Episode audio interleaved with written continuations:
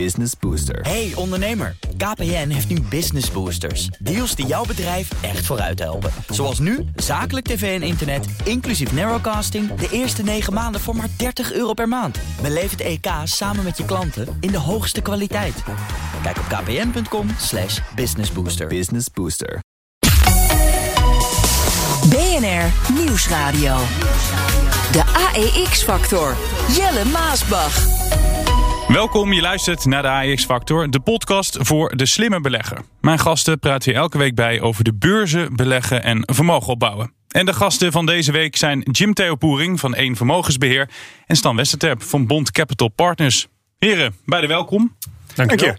In eh, 24 jaar tijd was de inflatie in ons land niet zo hoog als nu. Prijzen blijven maar stijgen, met 5,6 procent om precies te zijn, vergeleken met een jaar eerder. En daar gaan we het over hebben, deze AX-factor. Eerste hulp bij inflatie. Hoe breng je je geld in veiligheid en maak je alsnog jacht op rendement? Ja, Stan, eh, om met jou te beginnen. Waarom is het als eh, belegger belangrijk om naar die inflatiecijfers eh, te kijken? Uh, omdat inflatie natuurlijk eigenlijk gewoon geldontwaarding betekent. En als je dus niks doet, dat je per definitie achteraan loopt. En dat komt eigenlijk bovenop uh, je negatieve rente die je nu hebt. En eventueel de belasting die je moet betalen. Dus het is belangrijk om rendement te maken. Om in ieder geval je koopkracht op, op peil te houden. En dat kan je onder andere met, met aandelen doen. Ik heb hier twee vermogensbeheerders bij me. Mij is wel eens verteld, misschien wel de beste vermogensbeheerders van Nederland. Dan is dit iets, Jim, waar jullie graag naar kijken, toch? Nou, ik weet niet of we de beste beheerders zijn. Maar uh, als het jou verteld is, dan ga ik daar graag in mee. Maar uh, absoluut, inflatie is natuurlijk een uh, van de kernpunten waar je als beheerder naar kijkt. En afgeleid daarvan, dat is natuurlijk de rente. Uh, en dat is natuurlijk wel wat het heel bijzonder maakt op dit moment. Normaal gebruiken centrale bankiers inflatie als leidraad om hun renteinstrument op aan te passen. Ja, dat lijken ze nu helemaal uh, losgelaten te hebben. Want inflatie mag oplopen. Er wordt gesproken over gemiddelde inflatie. Die moet op peil zijn. Dus het mag wel tijdelijk wat hoger. Nou, of het tijdelijk is, komen we straks vast nog op. Maar in normale situaties dan zou je uh, zeker een renteverhoging hebben gehad. Maar je hebt nu dus eigenlijk een verstoord marktmechanisme. Want hoge inflatie, maar een rente die laag blijft. En dat is bijzonder. Ja, daar gaan we het uh, zo over hebben. Straks dus meer over inflatie en of je nu in de paniekmodus moet over die stijgende prijzen. Eerst een greep uit het belangrijkste nieuws van de afgelopen week. Van de 61 mensen die na terugkeer uit Zuid-Afrika op Schiphol positief zijn getest op corona, zijn er zeker 13 besmet met de Omicron-variant. Maakt zich zorgen? WHO heeft deze variant aangemerkt als een variant of concern, een variant om je zorgen over te maken. In the past week, concerns about the Omicron virus variant have sent theater stocks plummeting in the past five trading sessions alone. AMC Entertainment shares are down 23%. Some uh, potential news on a company we follow closely. The name of the company's Twitter. It's Twitter. CEO Jack Dorsey. Uh, from uh, what I'm hearing from a, a, number of different people familiar with the situation, expected to announce that he will be stepping down as the company's CEO. Twitter-oprichter Jack Dorsey die stapt op. Dat heeft een uurtje geleden zelf aangekondigd op Twitter. Uh, Bloomberg reporting that Apple is telling its component suppliers that demand for its suite of products in the iPhone 13 in that line has been weakening. Ja, Jack Dorsey dus, die vertrekt na een periode van maar liefst 16 jaar bij Twitter. Jim, we dachten dat hij nooit meer weg zou gaan, maar hij uh, gaat dus wel weg. Wat betekent dat uh, voor Twitter zelf dat deze medeoprichter uh, een stapje terug doet? Nou ja, getuige de koers uh, was het uh, heel gunstig voor Twitter. Uh, kijk, hij is natuurlijk de oprichter van Twitter. En wat hem wel verweten werd, en wat ik ook wel heel goed begrijp, is dat hij eigenlijk twee petten op heeft. Want hij is niet alleen de CEO van Twitter, hij heeft ook nog een hele grote betalingsdienst, Square. Ja. En ja, dat is natuurlijk gewoon een soort van adjen, ook qua omvang. Ja, twee van dat soort bedrijven naast elkaar runnen, dat is eigenlijk geen doen. Dus ik denk dat het goed is als hij daarin een keuze maakt. Ook wel bizar knap dat je twee van dit soort bedrijven kan leiden, toch? Ja, dat is heel knap. En niet alleen leiden, maar ook gewoon opzetten. Want dan ben je gewoon een genie natuurlijk. Dan zit je in de hoek van uh, Elon Musk. Dat je een visie hebt. Dat je inderdaad er gewoon achter komt uit frustratie. Dat ergens een keer iemand moest betalen met een creditcard. Uh, en ja, dat, uh, dat niet geaccepteerd werd. En dat hij vervolgens een device bedenkt waarmee je dus payments ja, veel groter en wereldwijd toepasbaar maakt. Want het is gewoon een soort van adjen natuurlijk. Waar hij ook achter zit. Dus ja, hij heeft nu de keuze gemaakt. En ik denk ook wel, hè, Twitter als je daar nog echt wilt innoveren, lijkt mij lastig. Ja. Stan, um, hij keerde in 2015 terug bij Twitter. Weet je wat uh, Jobs ook deed hè? bij Apple? Terugkeren ja. en de boel uh, op de rit zetten. Al lijkt me dat Steve Jobs wel iets meer heeft betekend dan Jack Dorsey. Maar wat Ja. heeft hij meer gedaan dan alleen het aantal tekens eh, verdubbelen? Nou ja, kijk, laten we heel eerlijk zijn. Eh, Twitter, qua innovatie, wat Jim ook al zegt, is niet zo gek veel gebeurd in mijn optiek. Eh, het is ook geen mainstream social media in eh, die zin dat heel veel adverteerders er natuurlijk naartoe lopen. Daar, daar is natuurlijk ook al het probleem als je kijkt, gewoon puur cijfermatig, dat de omzetgroei die was er wel. Maar het schiet niet het licht uit, net als bij een Facebook of bij een Google of noem nog maar een paar van dat soort bedrijven. Ehm, en hij heeft natuurlijk één hele grote aantrekkende kracht eh, eh, vorig jaar verloren toen Donald Trump het, het veld moest ruimen. Ja. Heel eerlijk gezegd. eh, dat Dat was bracht, de meest populaire Twitteraar, was dat ja, volgens mij. dat bracht heel veel eh, geld in het laadje ook. En ik denk dat de Het nieuwe is zijn CEO besluit geweest. Hè? Hij heeft gezegd, Trump die moet van het platform af. Ja, ja, ja. Ja, ja, dus eigenlijk wel, eh, wel bijzonder ook in die zin. Maar ja, dat is. eh, Ja, eh, financiën en ethiek gaan niet altijd hand in hand. Dat zie je dus hier ook gebeuren. Maar ik denk dat het voor de nieuwe CEO dan wel een uitdaging is dat je eh, die cijfers weer, eh, die groei moet laten zien. Zeg maar puur voor de aandeelhouders dan, als we daarnaar kijken. En trouwens voor de gebruikers ook. Ehm, maar het feit dat eh, als een CEO aankondigt: ik ga weg en de beurskoers gaat omhoog. Ja, dan Dat geeft pijnlijk, meestal wel aan dat het inderdaad tijd is om op te stappen. Je wil dan natuurlijk dat die beurskoers even flink Een tik een krijgt. tik krijgt. Ja. Voor je eigen waarde wel lekker, ja. Maar Jim, jij zei net, je was wat sceptisch over wat je nog met Twitter kan. Dus als we vooruitkijken, wat moet er de komende tijd gebeuren? Dan wordt het een flinke opgave voor die nieuwe topman dus. Eh, ja, dat denk ik wel. Hè. Het zit natuurlijk, Twitter is natuurlijk ook zo'n social medium, wat misschien wel een beetje op zijn retour is. Ik, ik kijk daar niet heel specifiek naar, maar volgens mij is de omzet een paar miljard. Klopt. Ja, als je dat afzet tegen bijvoorbeeld wat een Facebook heeft gedaan en de overnames die Facebook heeft gedaan om dat platform te laten groeien. Twitter is gewoon Twitter gebleven. En ja, het meest revolutionair is inderdaad Donald Trump van het platform. En initieel was het geloof ik 156 tekens en dat werd er dan 300 of zo. Maar voor de rest, ja, hè, advertentieinkomsten zijn, de gebruikersaantallen nemen niet meer echt toe. Dus er is heel weinig gebeurd. En ik denk inderdaad dat je eerder in de hoek moet kijken van grote overnames die je eh, kunt samenvoegen om waarde te creëren. Zoals een Instagram, een WhatsApp en eh, wat Facebook heeft overgenomen. En dat zie je niet bij Twitter. Dus daar ligt denk ik de grootste uitdaging. Jij bent hashtag bezorgd, zoals dat dan in Twitter-termen heet. Ja, dat, eh, nou ja, de hashtag, wat dat er gaat, hebben ze heel veel voor de maatschappij betekend. Want die komt inderdaad eh, natuurlijk bij Twitter vandaan. Maar kijk je echt naar de omzet eh, en, en hè, dat relateer je aan de aandelenprijs bijvoorbeeld. Ja, het is niet waar ik mijn geld in zou stoppen. Dan zou ik eerder een Square kiezen. En misschien dat hij daarom ook daarvoor kiest.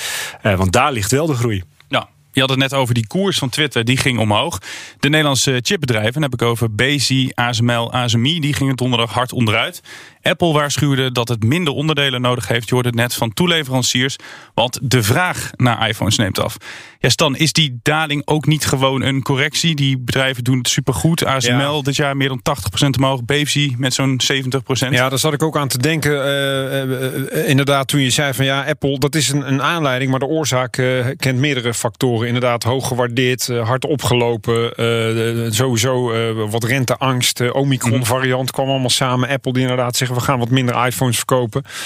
Eh, en dat zorgde ervoor dat je best wel een aardige correctie kreeg op die aandelen. En in het licht van de enorme stijging die we gezien hebben, eh, ja, kunnen, we dat, eh, kunnen we dat wel velen natuurlijk.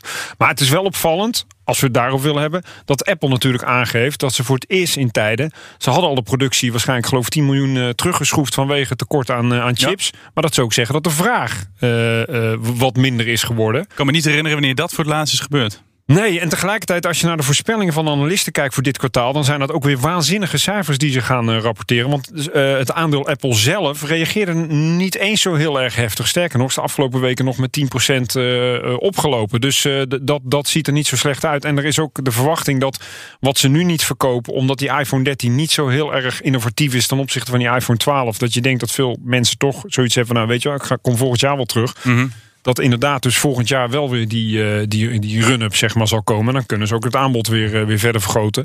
Als de supply chain dan weer normaal werkt. Ja. Ben je het daarmee eens, eh, Jim? Denk je dat het uiteindelijk dan dus niet echt grote gevolgen gaat hebben voor die Nederlandse toeleveranciers? Nou, kijk, ja, het is, wel even een tikje. Want eh, hè, we dachten dat die chipmarkt alleen maar kon groeien en dat de shortage zou blijven. Dus in die zin worden we even met eh, twee beentjes op aarde gezet. Maar ik sluit me aan bij Stan. Eh, hè, afgelopen week vervelend. Maar als jij vanaf 1 januari in ASMI, Bezi of ASML zit, ja, dan zit je hier eerder te juichen dan te treuren. Ehm, en die aandelen die zijn natuurlijk ook gewoon uh, zeer vroeg cyclisch. Dus ja, in een groeiende economie doen ze het extra goed. En als we maar een heel klein beetje tegenslag krijgen of de rente gaat omhoog, heeft dat meteen consequenties voor de waardering van dit soort bedrijven. Dus het hoort bij het karakter van de onderneming. En mag ik nog heel even op aan? Ik weet nog dat ik ooit van Jim een analyse heb gelezen over ASMI. Dat hij op een gegeven moment zei aan zijn PT, waar ze een belang in hadden, is meer waard dan ASMI zelf. Toen stonden ze volgens mij 25 euro die Klopt. aandelen. En inmiddels stikken we 400. Ja, dit, dit doet mij een beetje pijn dat je het herhaalt, uh, Stan. Want ik heb ze op 25 ooit gekocht. Ja. En op 50 toen dachten we van dit is wel een heel mooi rendement. Dus uh, dat, ja, dat toont me weer aan. Ook, maar ik vind het wel leuk dat je nog niet weet. uitstappen is een kunst. Ja.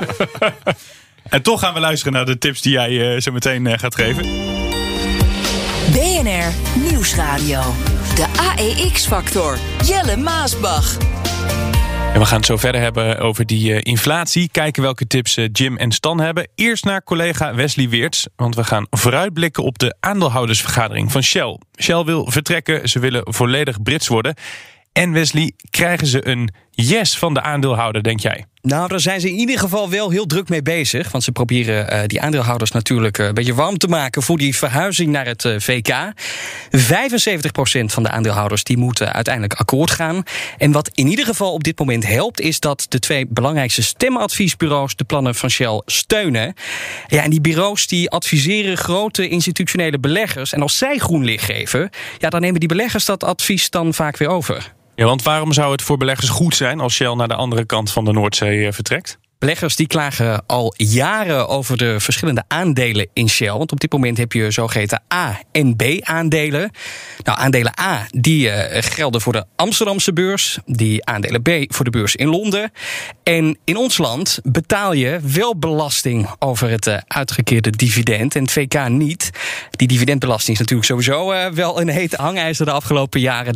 Op de achtergrond speelt dat natuurlijk ook gewoon een grote rol bij het vertrek van Shell. En topman Ben van Beurden die zei anderhalf jaar geleden al dat hij nadacht over een vertrek uit Nederland. In ieder geval als die dividendbelasting niet uh, van de baan zou gaan. En uh, nou. Aanvankelijk was het zo dat die dividendbelasting dat die afgeschaft zou worden. Maar ja, toen kwam de Kamer opeens om de hoek kijken. Die had daar toch wel wat meer moeite mee. Dus ging dat hele feestje niet door.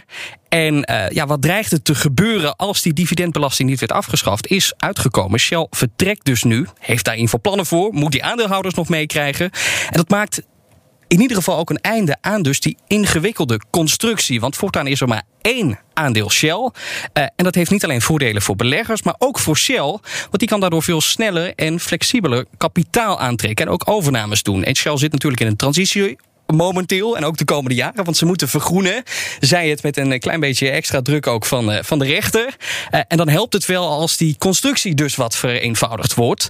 Daar zijn die adviesbureaus het ook mee eens. Die vinden dat ook een goede stap. Er is wel nog één zorg. Uh, en dat heeft alles te maken met een mogelijke vertrekbelasting die Shell moet gaan betalen. Het plan van GroenLinks. Ja. Nu toch weer uit de hoge hoed getoverd. en ja, mocht dat plan van GroenLinks uiteindelijk overgenomen worden, dan zou dat nog wel hoge kosten voor Shell mee kunnen brengen. Um, maar die adviesbureaus die zeggen ook, dat is wel een risico. Maar alsnog, al komt hij er wel, dan zijn de voordelen nog altijd groter dan de nadelen als ze naar het VK trekken. Nou, benieuwd hoe dat uh, volgende week uh, gaat aflopen. Dat bespreken we dan ongetwijfeld ook weer met jou. De AEX-factor. Jelle Maasbach. Hey, terug naar de inflatie. Prijzen voor gas, elektriciteit en brandstoffen die gaan door het dak. Dat zorgt ervoor dat die inflatie record aantikt. Stan, centrale banken zeggen al maanden, dit is tijdelijk. Ja, eens. Eens? Ja, ja absoluut. Kijk, uh, het is hoog, ja. Dat komt door een aantal factoren. Nou, corona is natuurlijk één uh, vanwege de aanboddisrupties die we hebben. We verwachten dat dat zal uitfaseren, zeg maar, komend jaar. De energieprijzen zijn door het dak gegaan. Daar zie je nu ook al dat dat wat stabiliseert tot afneemt. 10, 20 procent lager alweer ja. dan de top. Ja, en sowieso de onderliggende factoren die zorgen, ervoor hebben gezorgd... dat de laatste jaren die inflatie ontzettend laag is geweest... Die zullen na corona uh, terugkeren. Globalisering, technologische innovatie, vergrijzing. Uh, dat, dat blijft wat ons betreft gewoon doorgaan. En sowieso puur mathematisch om inflatie op 6% te houden, ook volgend jaar weer. Ja, dan moet er echt nog wel, uh, nog wel flinke prijsstijging achteraan komen. Dat kan eigenlijk alleen als de lonen ook flink gaan stijgen. En dat is wel waar het risico zit. Mm -hmm. Maar ik denk nog steeds, als we dan het woord tijdelijk gebruiken... Jerome Powell wil er niet meer aan... maar dat we dan uh, vanaf mid volgend jaar kunnen gaan zien... dat die cijfers weer wat gaan normaliseren. Stan zegt, het is tijdelijk. Ja, ik hoop het. Ik hoop het. Um, want uh, uiteindelijk kunnen we er heel lang over praten. De praktijk zal het uitwijzen, maar het is wel een gevaar. Uh, als het namelijk niet duidelijk is, dan kun je een hele vervelende situatie krijgen. Zou je zelfs naar stagflatie kunnen gaan. En uh, ja, uiteindelijk noemt Stan het ook. En dat zijn wel die lonen. ook als je wat dichter bij huis kijkt, daar hou ik altijd wel van.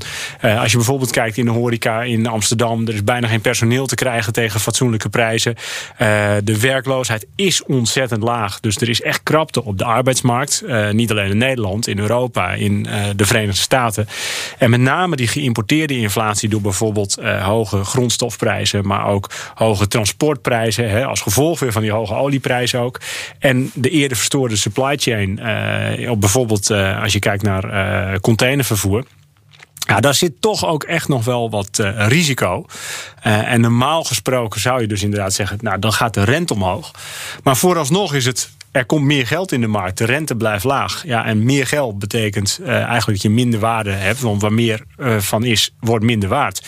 Dus de uitholling van je euro of dollar... die gaat nog wel een tijdje door. Ja. Tegelijkertijd, voor wie is het heel fijn? Een hoge inflatie en een lage rente. als je heel veel schulden hebt. Heel veel schulden. Wie ja. heel veel schuld? Zuidelijk Europese landen. Dus ik begrijp ook wel dat ze vanuit die hoek niet eh, staan te juichen om de rente heel snel eh, op te hogen. Die zijn er heel erg blij mee. Jij, in Europa niet, nee. nee. In de VS gaat het eerder gebeuren. Ja. ja. Je had het net over onze grote vriend Jerome Powell, want we hadden het vorige week ook al over hem. uh, die zegt inderdaad wat jij zegt, we kunnen beter stoppen met het gebruik van het woord tijdelijk. Luister even mee. So I think the word transitory has different meanings to different people. To, to many it carries a time, a sense of, uh, of short-lived. We we tend to to to, to use it to mean that that it won't leave a permanent mark uh, in the in the form of higher inflation. I think it's it's probably a good time to retire that that uh, word and try to explain more clearly what we mean. Ik ben sowieso altijd blij dat ik niet meer naar Janet Yellen hoef te luisteren, maar dat is een heel ander uh, verhaal. Uh, ben jij het eens met uh, dat het woordje tijdelijk zou moeten stoppen. ja, kijk, eh, waar het om gaat natuurlijk is dat de, de woorden van centrale bankiers zoals altijd op een goudschaaltje gewogen worden. En ja, dat weten we allemaal. Dus dat betekent gewoon dat je heel voorzichtig moet zijn in de, in de definities eh, die hij gebruikt. Ja, transitory vindt hij achteraf dan niet zo handig.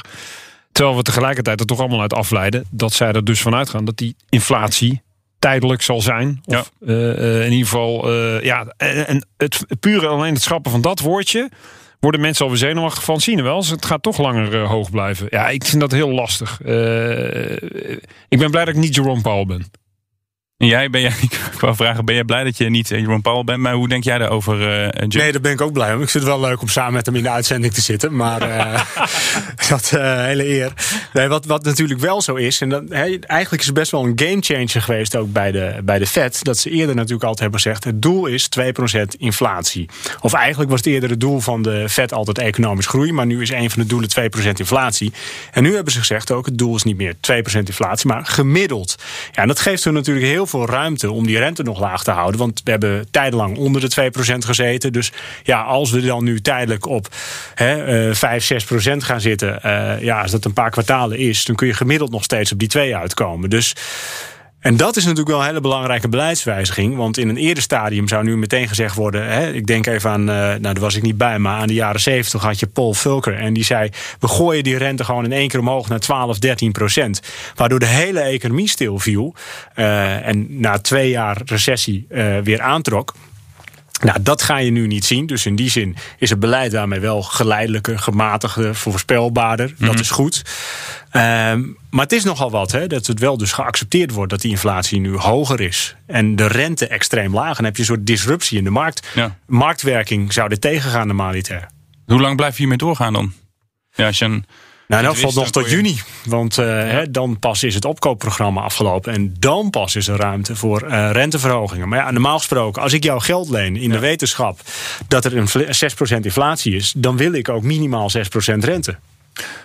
Maar goed, als, jij, als je kijkt de afgelopen jaren, kijk, je hebt het over die 2% inderdaad. Daar hebben we structureel onder gezeten. Ehm, dan zou het toch ook heel gek zijn als je er even een keer boven komt voor het eerst in tijden. En dat je ineens zegt, hop, boem, meteen de rente erachter. Dus ik begrijp wel dat je vanuit een gemiddelde uit. Kijk, als het langer gaat duren, dan wordt het inderdaad wel tijd om in te grijpen. En daar zijn ja, nu, en dat is ook het gevaar, precies wat Jim zegt. Als het langer gaat duren, dan zul je gaan zien dat de rente erachteraan uh, uh, gaat, uh, gaat bewegen.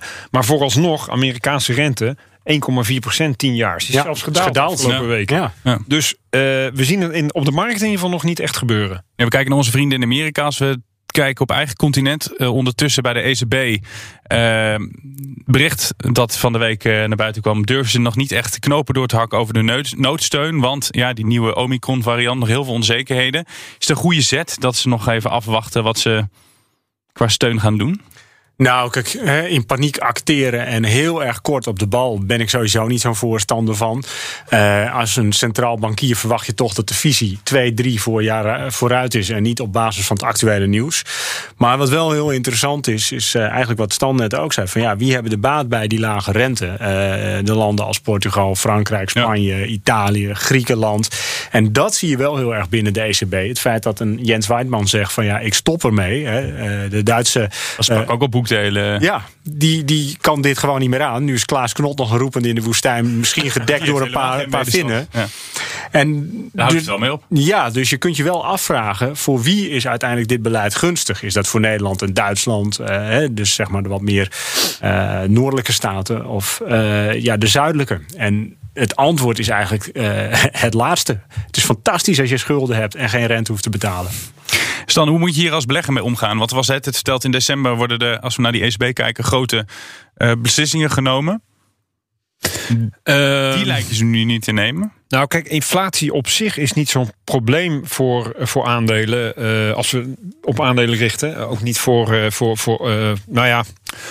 We het zo zeggen, als je als bedrijf zeg maar, je prijzen kunt doorrekenen aan je eindklant, dan, dan gaat het prima. Eh, het probleem ontstaat als de rente op begint te lopen en als de lonen inderdaad op beginnen. De echte kostprijzen van veel eh, eh, zaken binnen een bedrijf. Ehm, ja, dat zien we dus op dit moment nog niet echt. Maar als die inflatie hoog blijft, en daarom is het zo belangrijk om daarnaar te blijven kijken, ja, dan kan dat er achteraan lopen. En je ziet nu ook de laatste weken dat daardoor wel wat onrust in de markt ontstaat. In ieder geval dat we van de, van de topniveaus af zijn gekomen. Het is nog geen officiële correctie, maar als er nog een paar procent afgaat, ja, dan, dan, dan, eh, dan is het dat wel, de 10 procent. Maar het geeft meer aan dat er, eh, dat er onzekerheid is daaromtrent. En dat daardoor de koersen voorlopig even het hoogste punt hebben gezien. En ja, de vraag is hoe dat eh, in december verder gaat, gaat doorlopen. En als de ECB blijft stimuleren, ja, dan kan je op een gegeven moment ook wel zeggen, joh, ja, die economie die loopt zo goed. Ehm, waar is dat nog voor nodig dan? Wat doe je dan als het weer slecht zou gaan, bij wijze van spreken? Dus ik begrijp wel dat de HAVIC ook zegt, jongens, enough is enough. We moeten nu gewoon op een gegeven moment gaan normaliseren. Gewoon gaan norm- normaliseren. Ja, uiteindelijk moet dat wel. Ehm overigens vind ik het wel aan, interessant van wat jij ook zegt van hè, eh, hè, hoe, in welke mate kan je eh, prijzen doorrekenen als bedrijf aan je, eh, aan je klant. Dat is ook een van de kernwoorden wel binnen ons eh, investeringscomité momenteel. Dus pricing power. Eh, en als je dan bijvoorbeeld hebt over een bedrijf wat het fantastisch doet dit jaar op de beurs. Dat is Ahold Delhaize. Wij lang in belegd. Dat hebben we wel verkocht recent. eh, om die reden. Omdat je aan de ene kant ziet dat de grondstoffen en de inkoopprijzen die lopen op. Maar zij kunnen niet heel makkelijk aan de consument die prijzen doorrekenen. Omdat de concurrentie gewoon hoog is. Dus ja, gaan we liever in een Microsoft bijvoorbeeld. Hè? Die hebben gewoon pricing power en monopolie. BNR Nieuwsradio. De AEX-factor. Nog steeds bij mij, Jim Terpoering van Eén Vermogensbeheer en Stan Westerterp van Bond Capital Partners. Om te praten over de inflatie. Ja, wij willen bij de AX-factor heel graag eh, kijken hoe je als belegger je risico's zoveel mogelijk afdekt. Welke bedrijven moet je in je portefeuille houden of eh, bijkopen? Aal de Herzen, gok ik zo. Je hebt er wel kijk op. Ja, vertel. Nou goed, eh, als we het hebben over inflatie, dan is dit dus precies een onderneming. eh, wat enerzijds kan met veel concurrentie. En wat het ook fantastisch heeft gedaan. Mooie marges, mooie omzetgroei. Maar nu misschien wel gaat kampen met aan de ene kant hogere transportprijzen. Aan de andere kant hogere inkoopskosten. En de vraag is in welke mate ze die prijzen kunnen doorberekenen aan de, eh, aan de eindklant, aan de consument. Dus ja. Misschien dat eh, voor Ahold eh, de beste tijd wel eventjes is geweest. Nou, dat was een goed aandeel, nu misschien ietsjes minder. Ja. En wat is dan het aandeel wat je voor de komende tijd eh, zou moeten hebben? Ehm, Nou, we hadden het net over Microsoft, maar die laat ik dan aan uh, Stan. Want wij hebben hem al wat langer in portefeuille. Uh, doet het over de afgelopen weken wat minder. Dus uh, misschien een mooi koopmoment inderdaad. Maar wij hebben recentelijk weer flow traders in portefeuille opgenomen. Zal toch een beetje in Nederland blijven. prachtig bedrijf. Heeft het qua koers niet zo goed gedaan de afgelopen tijd. En dat kwam met name omdat de handelsinkomsten in het, tweede, in het derde kwartaal onder druk stonden. Nou, een rustige beurs betekent minder handelsinkomsten voor flow traders. zij faciliteren de handel in exchange traded products. Maar een wat meer volatiele markt betekent voor flow traders meer volume, grotere marges en dus uiteindelijk een betere winstgevendheid. Uh, en je koopt het nu ja, in onze optiek tegen, tegen aantrekkelijke waardering. Uh, 11, 12 keer de winst van 2021. Dividendrendement van 6%. Dus ja, uh, en mooie tegenhanger natuurlijk in een zwakke markt. Dus hij blijft nu goed liggen. Die blijft goed liggen. Microsoft, ja, weet je eigenlijk aangedragen? je hebt jezelf, je hebt net genoemd, maar kan je toelichten? Nee, wij, zitten, wij zitten ook in flow traders vanwege die hedge inderdaad. Is het heel neg erg negatieve correlatie met... Nou ja, het is gewoon fijn om ook een aandeel te hebben dat omhoog gaat als de markt het wat lastiger krijgen. Ja. Uh, maar Microsoft, maar dat geldt eigenlijk voor alle grote tech jongens. Ook Amazon en ook Facebook en ook Google, uh, Apple. Ja, het blijft gewoon doorgroeien uh, wat je ziet. Hè. Ook de afgelopen, het afgelopen jaar gewoon double digit growth in al die bedrijven nog steeds. En Microsoft, ja, ze zijn uh, hoog gewaardeerd. Uh, maar zolang die groei doorgaat, uh, zijn dat wel, hoe moet je dat zeggen, de, toch de cornerstones ook in een, in een goede beleggingsportefeuille. Je moet je natuurlijk nooit helemaal focussen op één bedrijf en daar alles, daar alles in stoppen. Dat weet ook iedereen. Maar dit zijn wat ons betreft wel de bedrijven inderdaad met pricing power. Goed gefinancierd, enorme marges met nog heel veel groei naarmate hè, die globalisering en die digitale innovatie waar we het over hadden. Dat zet gewoon door. Dus het aantal gebruikers stijgt en die blijven ook steeds meer uitgeven. En er zit zo'n. De lock-in effecten zijn zo ontzettend groot bij dit soort bedrijven. Je komt er gewoon ook niet meer vanaf. Ja, we hebben het tijd over die grondstoffen, tekort aan grondstoffen. Misschien een blonde opmerking, maar dan denk ik, moet je niet in aandelen die in de grondstoffen zitten. Ja, eh, dat, dat is op zich wel een uh, goede gedachte. Uh, wij zitten wel deels in grondstoffen, maar wat je wel ook vaak natuurlijk merkt, dat zie je als je kijkt op de Nederlandse beurs, maar uh, du moment dat het economisch wat tegenzicht zit, zijn het wel die miners en die staalproducenten bijvoorbeeld, die meteen hard worden geraakt. Want ja, als het economisch minder wordt, dan is de eerste vraag uitval bijvoorbeeld vanuit de vliegtuigindustrie, de zware industrie, ja. bij dat soort bedrijven. Dus die komen ook wel wat gauwer onder druk te staan vaak. Nou, dit jaar doen die bankaandelen het heel erg goed. Ja. ABN, ING natuurlijk heel erg afgestraft. Dus dan uh, je, je stijgt van laag, zal ik maar zeggen. Ja, als je voor corona kijkt, dan is er ja, is een beetje vlak, zeg maar. Ja. Ja. Is dat dan wat om... Uh, binnen nou, als je, als je vanuit die winstmarges gaan wel weer verbeteren. Ja, zeker als je vanuit gaat dat de rente gaat oplopen, dan, uh, dan, dan wordt de marge groter. Dan is dit wel een uh, interessante tak van sport. ook Amerikaanse banken bijvoorbeeld, die zijn ook nog. Kijk, banken en financials zijn altijd wat lager gewaardeerd in, in, termen van koers-winstverhouding of dat soort hoog dividendrendement. Mm maar ze zijn natuurlijk ook wel heel erg cyclisch en heel erg bevattelijk voor, ja, voor, voor de economische weer. Um, dus ja, je ziet hoe het kan gaan op het moment dat het even tegen zit. Vorig jaar, toen, toen gingen ze allemaal door de helft. En inmiddels is dat dit jaar wel weer, wel weer goed hersteld. Dus dat betekent, dat betekent wel dat je ook, als je daarin wil handelen, dat je qua timing wel heel erg goed moet, moet zitten. Uh, langer termijn, um, ja, laten we eerlijk zijn, de afgelopen tien jaar zijn dat niet de sectoren geweest waar echt de rendementen vandaan zijn gekomen. Banken, luchtvaart, niet echt hele Nee, het nadeel banken. Uh, ja, bank is natuurlijk altijd moeilijk. Dat je niet precies weet wat zit er nou in hun boek. Wat voor bedrijven, wat voor risico's. Uh, de blootstelling bij hè, waar, welke sector ook een klap krijgt. Banken hebben altijd exposure. Ja. Uh, op een gegeven moment hebben we hier natuurlijk, dat is al lang geleden weer, met MH17 in Oekraïne toe gehad. En bleek, ING bleek voor honderden miljoenen blootstelling in Oekraïne te hebben. Ja, waar nog nooit iemand. Kom je erachter, ja. ja. ja. En, en dat is een moeilijke met die banken. Dus de voorzieningen die ze moeten nemen bij tegenslag. Een ander puntje is natuurlijk wel dat het toezicht alleen maar verzwaard wordt. Dat de kosten om aan het toezicht te kunnen voldoen uh, steeds hoger worden. Dus ja, kosten lopen op en de omzet stijgt minder hard mee. Dus in die zin, marges nemen af. En daarmee zijn banken niet de meest uh, mooie belegging naar de toekomst toe. Ja. Stan, we hebben het heel vaak gehad over uh, jouw grote idool, Warren Buffett. Ja. Je zou die ook een fanboy uh, kunnen noemen. Ja, zeker. maar ja, altijd als het over Buffett gaat, dan, dan mag je er wat over vertellen op BNR. Nee, maar zonder dolle, die zegt altijd sterke bedrijven bieden goede bescherming. Coca-Cola, Unilever, Procter Gamble die wil hij graag hebben, dat soort bedrijven. Ja. die zouden hun prijzen gewoon kunnen laten stijgen, zegt hij. Ook als het uh, dus even wat minder gaat? Uh, ja, ik zit even de namen te bedenken die jij opnoemt. Dat, ja, dat geldt tot op zekere hoogte Apple, wel. in dit geval. Ja, Apple zit die groot Apple, zit die, ja, dat is een Coca-Cola. Dat is een laatste IT-investering natuurlijk. Kijk, dan heb je echt wel brand uh, power nodig inderdaad. Dus sterke merken doen het, vaak, uh, die doen het vaak goed.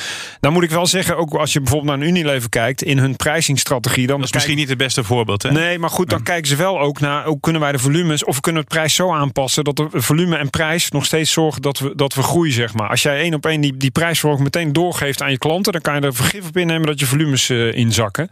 Dus je moet wel echt een heel sterk merk hebben. Zelfs voor een Coca-Cola geldt dat ook. Um, uh, ja, dat is, en daar zie je dat in technologie, dat, dat, dat, die hebben daar gewoon minder last van. Als je kijkt wat een, een iPhone als voorbeeld te noemen, tien jaar geleden kostte het, het, normale model. En nu zeg maar datzelfde model. Daar zit dan ook een enorme inflatie. Maar dat is nog meer geweest dan dat er daadwerkelijk inflatie is geweest. En toch leggen wij het gewoon uh, ja. lachend neer. Ja. Dus uh, ligt een beetje aan welke sector dat je kijkt. Ja, dus zelfs met dit soort bizar hoge inflatiecijfers kunnen dat soort sterke bedrijven niet maar, uh, niet maar zo uh, hun uh, prijzen verhogen. Nee, dat nee. klopt. Bij een hoge inflatie staan groeibedrijven het meest onder druk. Denk aan techbedrijven. Waarom zijn juist die aandelen kwetsbaar? Nou, dat heeft niet zozeer met de inflatie zelf te maken, maar met de angst dat de rente omhoog gaat. Uh, en wat je als belegger doet, is dat je eigenlijk kijkt naar de toekomstige uh, winsten. Ja, die toekomstige winsten, uh, bijvoorbeeld in 2030, als een bedrijf dan 10 euro verdient, ja, is de rente nul, dan is die 10 euro nu veel meer waard dan als de rente 4, 5 of 6 procent is. Dus de netto contante waarde van de toekomstige winsten, mm -hmm. ja, die is veel lager. En als je dan bij techbedrijven zit, dan heb je het over groeiondernemingen. Ja, dan uh, als je het rekensommetje maakt, dan worden die het hardst getroffen. ja. ja. Dus het puur de koers. inflatie hebben ze eigenlijk geen last van. Het is ja. puur een verdisconteringsvoeten. Dat is ja. meer iets uh, mathematisch voor de puristische analisten inderdaad. Van minder voor de radio, ja. ja. Maar het klopt wel. Als de rente oploopt, is dat slecht voor, voor goede ondernemingen. Met name techbedrijven. Die hebben dan ook vaak een, een, krijgen een, een harde afstraffing. Ja, zijn er dan techbedrijven die uh, zo goed als uitgegroeid zijn? Want ASML is natuurlijk het meest uh, sexy techbedrijf van Nederland. Geldt dat Atjen. Nou, het is toch ook wel een heel erg ja. uh, mooi bedrijf. Uh, nee, ja, uitgegroeid. ASML is nog lang niet uitgegroeid. Uh, en Adyen overigens ook niet. Alleen wil niet zeggen dat als die disconteringsvoet oploopt... waar we het net over hadden... Mm. dat die waardering niet wat naar beneden kan komen. Maar uitgegroeid zijn ze voorlopig nog niet. Dat heeft wel pricing power. Daar hoor ik jou mooi woord al begin van de uitzending over. Mm. Wat zijn nog meer van die... van die ja, eigenlijk, eigenlijk zijn het altijd monopolisten. Uh, die pricing power hebben. Want overal waar concurrentie is, ja, als je dan je prijs verhoogt, dan stapt de consument makkelijk over uh, naar de concurrent. Uh, nou ja, we, hebben, stel noemen het Microsoft, dat is eigenlijk ook een heel mooi voorbeeld. Iedereen, of iedereen, veel mensen hebben daar gewoon een abonnementje op. dat geldt overigens ook voor een Netflix. Hè. Dat zijn prijzen die gewoon rustig verhoogd kunnen worden met, nou ja, een dollar per maand. Wat dan bij wijze van spreken meteen 10% is. En niemand zegt een abonnement op. Dat geldt voor Microsoft, dat geldt voor de betaling via Adyen. En als je het hebt over uh, markten waar dan ook nog een schaarste in is, hè, de, de chipmarkt bijvoorbeeld, want die trend van chips en allemaal meer chips en geheugen. Hè, je kan zo gek niet bedenken. Tegenwoordig uh, neem een autoruit en zelfs voorin zit al allerlei technologie. Dat konden we ons tien jaar terug niet voorstellen. Uh, als je denkt dat die trend doorzet van digitalisering, ja, dan moet je echt bij dat soort bedrijven terecht. Die dus monopolist zijn en prijzen kunnen verhogen uh, en eigenlijk hun cliënt uh, afhankelijk hebben gemaakt ja, van hun producten. Dat is mooi natuurlijk, hè? Ja, nou ja, en, en de tegenhangers daarvan, wat moet je dan niet hebben? Bedrijven die niet hun prijs door. Jij noemde net snel even luchtvaart. Ja. Dat is een uitstekend voorbeeld ja. van een sector waar je gewoon eigenlijk nooit in moet beleggen. Want er is overcapaciteit. Mensen gaan voor een tientje uh, van, een, van een vliegveld in, in Oost-Duitsland bij wijze van vertrekken. Terwijl de benzine daar naartoe veel duurder is. Dus het gaat, als je puur prijs als differentiatiemodel hebt, dan heb je eigenlijk geen, geen goed uh, businessmodel. En dat luchtvaart is wat mij betreft daar ja. het meest uitstekende voorbeeld van. Ja. Het zou goed zijn als er gewoon een paar van die luchtvaartmaatschappijen omvallen. Ja. En we die niet meer in de lucht gaan houden met de staat. Uh, letterlijk en figuurlijk. omdat je eigenlijk de markt kapot maakt. de marktwerking moet je daar zijn gang laten gaan. En En dan hou je er een paar over. Dus zo'n Alitalia dat al duizend keer is geholpen en opgegeven. Ja, Frans of, KLM. Ja. Het is de schuldpositie inmiddels 12 miljard of Ja, zo. die wilden, die wilden geloof ik 1 miljard extra uit de, beur- uit de markt halen met aandelenuitgifte. Maar ja, dat hebben ze Ja. nu met de, de, de Op 3,75. situatie is er niet Ja. echt, zeg maar. En toch dat ze bijna altijd wel gewoon, ja, hoe zou ik het netjes zeggen, beleggers vinden. eh, mensen vinden die. eh, Nou, speculanten, laten we het zo noemen. ja. Ik denk niet dat er eh, mensen in Air France KLM al 20 jaar eh, belegd zijn. Kan me niet voorstellen. Dan hebben ze misschien één of twee keer dividend gehad dan. Dus dat, eh, Nee, maar kijk, dat is natuurlijk het punt. En daar houden we ervoor op. Maar het gaat om de BV Nederland dan. Dat wij ervoor moeten zorgen dat we een, Ja. een airport hebben... waar heel veel mensen Ja. over de hele wereld De hub, eh, ja, die zo de hub, belangrijk is. terecht kunnen. Ja. Daar hoort blijkbaar een eigen luchtvaartmaatschappij bij. Maar laten we eerlijk zijn. deflatie heb je hier, hè? Ja, 100 Dus, voor een tientje naar Barcelona. Dat, eh, ja. En nu hebben we het heel erg over aandelen. Maar hoe zit het met beleg in stenen als de inflatie zo oploopt? Als je je huren met inflatie kan indexeren, is dat, is dat geen enkel probleem. En als de waardestijging onderliggend van je vastgoed ook mee oploopt met inflatie, dan is dat ook geen enkel probleem. Tenzij, dan gaat hij weer de rente op gaat lopen en jouw financieringskosten omhoog gaan. Ja, ik zie hier iemand eh, gewoon knikken. Het is wel fijn dat jullie het ook zoveel met elkaar ja, dat klopt. Nou ja, het belangrijkste hierbij is een prachtige investering. Alleen je moet inderdaad niet een, eh, een, eh, een te hoge beleningsgraad hebben. Want dan kun je in de problemen komen. Als je iets koopt met 80, 90 procent financiering. eh, ja, dan wordt het lastig als de rente wel 5 procent is. Ja. En traditiegetrouw staat goud ook dan op de beleggingsradar als eh, inflatie, zenuwen en toleisen. Ik heb geen Willem eh, Middelkoop nu in de uitzending, dus eh, we gaan het niet hebben over goud. Maar dat nieuwe goud, bitcoin, en dan denk ik dat ik ook al jullie mening weet. Maar is dat dan een... eh, Ik ga iets heel raar zeggen. We hebben een heel klein stukje opgenomen afgelopen jaar. En dat is niet omdat wij weten waar bitcoin naartoe gaat... of dat wij crypto's helemaal begrijpen. Maar dat is vanwege de karakteristieken... eigenlijk een beetje analoog aan flow traders. Dat je ziet dat de correlatie van crypto's, bitcoin in dit geval... eh, ehm, met andere asset classes eh, heel laag is. Met andere woorden, beweegt contrair soms. En dat betekent dat je risico-rendementsverhouding van je portefeuille wat kan verbeteren. Dat het ding verdubbeld is, ja, prachtig. Maar het gaat ook een beetje om het spreiden zeg maar, van je portefeuille. Maar het is nogmaals, dat doen we met echt hele kleine stukjes. Want die diehard fans die zeggen, dit biedt echt de ideale bescherming tegen inflatie. Maar dat zit er dus niet helemaal. Ja, kijk, hoe kan je dat meten als het ding eh 6000 procent is opgelopen? Dat, ja, dat is heel lastig om dan te zeggen. Ja, dat is inderdaad een ideale hedge tegen inflatie. Ja. heb, Nou jij, eh, heb jij ze? Eh, in, we hebben in onze portefeuille geen bitcoin specifiek. We hebben wel eh, een ETF die belegt in bedrijven gelieerd Ja, aan de, eh, de cryptomarkt. Hè, bijvoorbeeld een Coinbase of een Nvidia. Omdat wij wel heel sterk geloven dat die cryptomarkt eh, blijvend is. Dat daar ook blijvende tractie is. En eh, hè, dat bedrijven toeleverancieren eigenlijk aan de industrie. Ja, dat die uiteindelijk daar garen bij spinnen. Dus ja, je kunt wel gaan gokken op koersstijging of koersdaling. eh, maar dat is geen beleggen. Als belegger wil je rendement uit je investering. En dat moet niet zozeer alleen zijn uit een koers die stijgt. Maar vooral ook uit dividend of rente of huurinkomsten die je krijgt. Nou, mooi. Volgens Ja. mij wel mooie woorden om eh, richting het einde te gaan. Absoluut. Laatste woorden voor jou, eh, Stan. Eh, ja, beetje dan vooruitzien voor, eh, voor 2022. Wij denken nog steeds eh, dat aandelen in deze omgeving eh, de place to be is. De rente is toch nog steeds laag, accommoderend beleid, alhoewel het wordt teruggeschroefd. Inflatie is hoog, maar zal wat, wat gaan dalen. Ehm, en je ziet nog steeds dat de wereldeconomie, weliswaar met wat horten en stoten met virusvarianten, maar per saldo groeit. En zeker als je over langere termijn kijkt, is aandelen gewoon een van de beste asset classes die er zijn. Ik zie Jim eh instemmend knikken. Klopt. Ja, je zei het laatste woord is aan Stan. Dus dan, eh, ik knik. Ik vind het toch wel lastig om jou niet nog één keer het woord te Nee, geven. ik ben ook benieuwd naar wat Jim ervan vindt natuurlijk. Ja, Jim, Jim knikte, dus volgens mij is Jim het ermee. Ja, ik ben het eens. Oké, nou mooi. Ja. Daarmee zijn we echt aan het einde gekomen van deze aflevering. Niet getreurd, er staan nog heel veel afleveringen die je kan luisteren. Ook eh, waar deze twee heren in eh, figureren. Abonneer je en je luistert automatisch volgende week weer naar de nieuwe. Bedankt nogmaals, nogmaals aan mijn gasten. Dat waren Jim Theapoering van 1 Vermogensbeheer en Stan Westerterp van Bond Capital Partners. Tot volgende week. Ja. Figureren. Ja, dat waar, ik, ik, het woord is acteren. Hardlopen, dat is goed voor je. En Nationale Nederlanden helpt je daar graag bij. Bijvoorbeeld met onze digitale NN Running Coach... die antwoord geeft op al je hardloopvragen. Dus, kom ook in beweging. Onze support heb je. Kijk op nn.nl slash hardlopen.